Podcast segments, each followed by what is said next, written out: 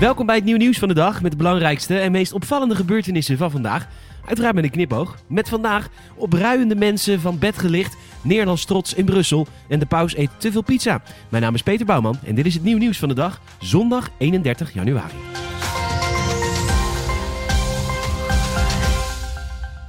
Politie-eenheden door het hele land hebben de laatste dagen mensen opgepakt voor opruiing. Het gaat om veelal jonge verdachten die oproepen hebben geplaatst op sociale media als WhatsApp en Telegram om te gaan rellen. De jongste onder hen is een 15-jarige jongen uit Bergen op Zoom, maar er is ook een Utrechtse vrouw van 60 van haar bed gelicht. De politie gaat niet in op details van de oproepen, maar Omroep Brabant wist een kijkje te nemen in een van de chatgroepen. Daarin wordt gesproken over het in de kankerbrand steken van een GGD-teststraat, het bekogelen van agenten met molotovcocktails en het meenemen van vuurwerk, terpentine, wasbenzine, C6 en fakkels.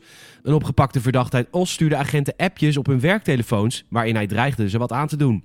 In Amsterdam heeft de politie een speciaal team opgetuigd om relschoppers op te sporen. Ze zijn zelfverzekerd over het vervolgen van de mensen die de afgelopen weekenden op en rond het museumplein voor agressie kozen. Er zouden ongeveer 40 dossiers klaar liggen met herkenbare camerabeelden, dat meldt AT5. Het Openbaar Ministerie heeft in een onderzoek naar relschoppers en plunderaars bankrekeningen en bezit in beslag genomen om de schade te verhalen. Het is tijd voor het nieuw nieuwsgetal van de dag. Je krijgt nu een getal aan het einde van de podcast de context. Het nieuw nieuwsgetal van de dag is 555.237.619.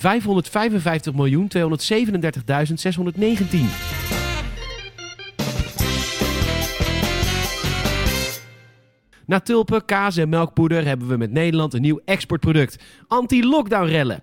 In de Belgische hoofdstad Brussel zijn vandaag meer dan 200 demonstranten gearresteerd bij het uit de hand gelopen lockdown-protest.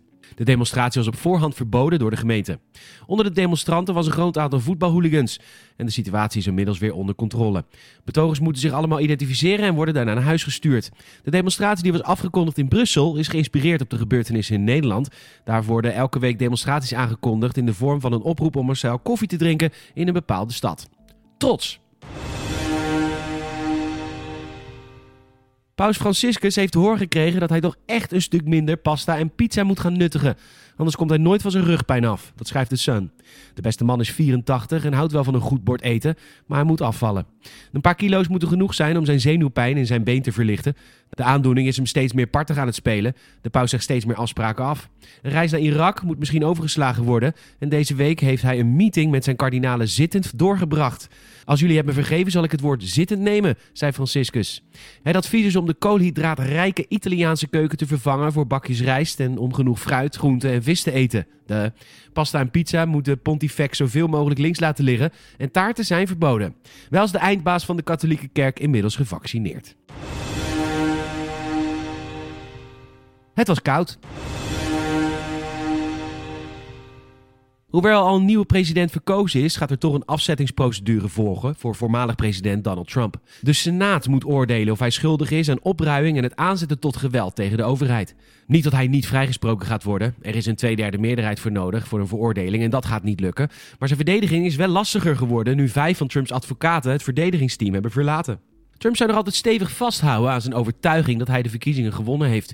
Hier is nooit bewijs voor gevonden. De oneenigheid over de strategie van de verdediging zou de reden zijn geweest dat het advocatenteam uiteenvalt. Butch Bowers en Deborah Barbary zouden als eerste zijn vertrokken. Het zou gaan om een wederzijdse beslissing.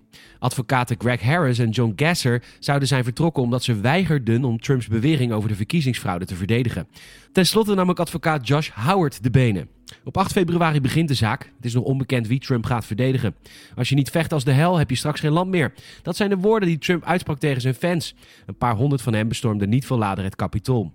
Bij de aanval op het parlementsgebouw kwamen vijf mensen om het leven. De Democraten en een handvol Republikeinen vinden dat Trump direct heeft opgeroepen tot geweld tegen politici.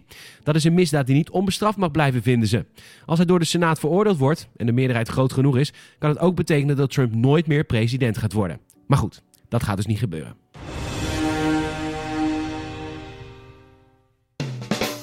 Het nieuw nieuwsgetal van de dag is 555.237.619. Ophef. In Spanje wordt door verschillende media vol verbazing gereageerd op het uitlekken van het contract dat Lionel Messi in 2017 bij FC Barcelona tekende. In vier jaar tijd telt Barcelona een bedrag van maar liefst 555.237.619 euro aan salaris voor de aanvaller neer. Een megalomaan getal dat niet bij iedereen in goede aarde valt, zeker nu de club in financieel zwaar weer verkeert. Bedankt voor het luisteren. Help het nieuw nieuws van de dag te groeien. En vertel een vriend of vriendin over deze podcast. Laat ook even een Apple Podcast review achter. Check elke dag nieuwnieuws.nl voor het laatste nieuws. En volg ons ook even via YouTube, Instagram, Facebook, Twitter en TikTok. Tot morgen.